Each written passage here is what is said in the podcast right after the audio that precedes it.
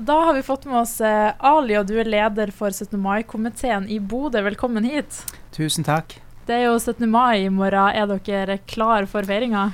Vi er klar, og det ser ut som, eh, som at alt er i rute. Ja.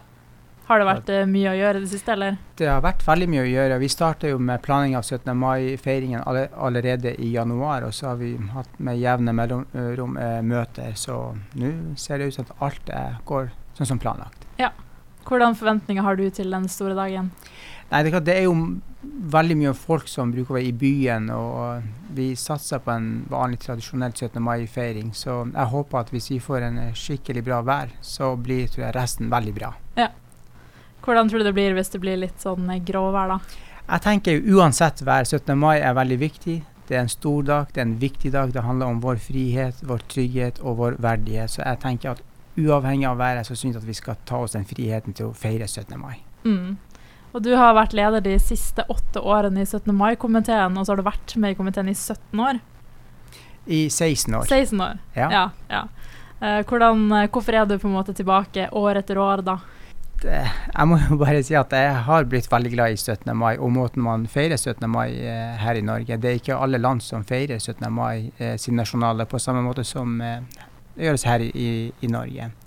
Uh, så vet jeg kanskje jeg vet ikke om kanskje har noe med min bakgrunn å gjøre òg. Jeg kom til Bodø som flyktning i begynnelsen av 90-tallet. Jeg fly, eh, flykta fra Irak, fra krig og elendighet. Og det å liksom se hvordan man feirer eh, 17. mai her i Norge, det er helt fantastisk. Mm. Det er en dag som man blir veldig glad i. Og du personlig, da, hva er din eh, favoritt-17. mai-tradisjon? Nei, jeg tenker at det er liksom, ser liksom alle barn og unge liksom går i skoletoget og barnehagetoget. liksom når ser så mange barn og unge liksom vifter med flagget og, rop, og eh, roper hurra. Det, jeg synes det, det er skikkelig bra. Mm. Kan ikke du fortelle litt kort om hva vi kan forvente i morgen på dagen? Hva skjer i Bodø? Nei, eh, Dagen starter tradisjon tro med korps og speidertog gjennom sentrumsgatene klokka eh, 7.00. Og det blir flaggappell utenfor eh, rådhuset klokka åtte. Eh, og siste oppdraget er klokka eh, 21.00. Og så er det sånn at, eh, som jeg sa litt eh, nå, at eh, speidertoget er klokka sju, og så er det flaggappell klokka åtte, og så har vi barnehagetoget som går ifra Bankgata klokka 9.30. Eh, oppmøte klokka ni. Og så er det et, rett etter det så er det skoletoget som er klokka 11. Eh, og så kommer det liksom etter det. Eh, det er Borgertoget som er oppmøte på kunstgressbanen attmed Bankgata, og det er avmarsj klokka eh, 16.00. I mellomtida der så skjer det også masse annet eh, i, i sentrum. Mm. Eh, skjer det noe nytt i år som ikke har vært før? Nei, det er jo eh, egentlig to ting som er Eller eh, det er to ting som er nytt som de siste to, to åra, liksom tre åra, og det er jo et resultat av eh, koronapandemien.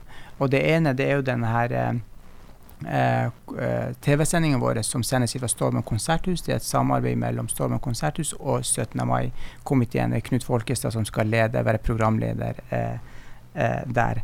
Og det er jo noe som vi kom i forbindelse med pandemien, og vi syns det har blitt veldig bra. Og eh, den TV-sendinga, den satser vi jo på. Eh, vi har tenkt å videreføre det. Og det er, mange, det er to grunner. Det ene er jo at man får dokumentert det som skjer på 17. mai her i, i Bodø, og det syns jeg er veldig bra. Og det andre er jo det er sikkert en del folk som av ulike årsaker ikke har muligheten eh, å komme seg til byen og se på Borgertoget, skoletoget eller barnehagetoget. Da kan de se på denne scenen via TV-skjermen. Mm. Og det andre du spurte, liksom, det var det, den eh, blålystoget. Og det blir i år òg. Og det, der har jo eh, p- har gjort en strålende innsats. Eh, Det er jo takket være politiet at vi har fått en blålystoget eh, her i Bodø. Det blir, men antall biler, hvor mange, det har ikke liksom oversikt over, men Nei. det blir blålystoget i år òg. Mm. Denne TV-sendinga, hvor kan man se den, Hanne? Den kan man se på eh, Bodø kommunes eh, Det blir sendt via Bodø kommunes hjemmeside. Og så tror jeg litt, litt tidligere så har både Bodø nå og Avisa Nordland også sendt det på en åpent link eh, på sine hjemmesider. Mm. Eh, hva føler du på en måte er spesielt for Bodø da, og Bodø sin eh, måte å feire 17. mai på?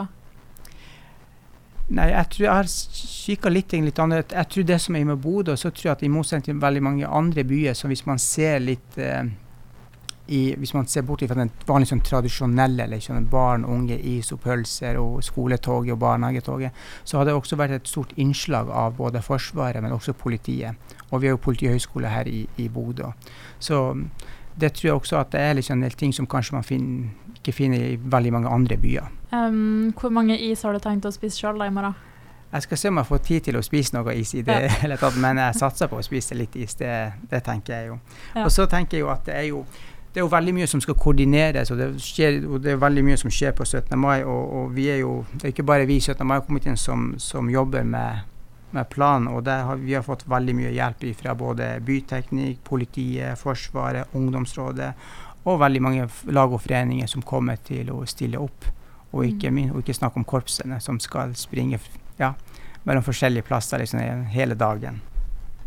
Mm. Så planen er jo at uh, tenkte vi skal i fellesskap fylle byens gater med eh, glade mennesker i feststemning. Mm. Så satser vi på strålende vær.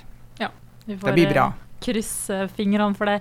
Helt til slutt, da, hvorfor skal man uh, dra og feire nasjonaldagen? Hvorfor er det så viktig? Nei, også, som jeg sa litt tidligere, så nasjonaldagen det er jo Vi feirer jo vår fri, frihet og trygghet og Eh, og, og, Grunnloven.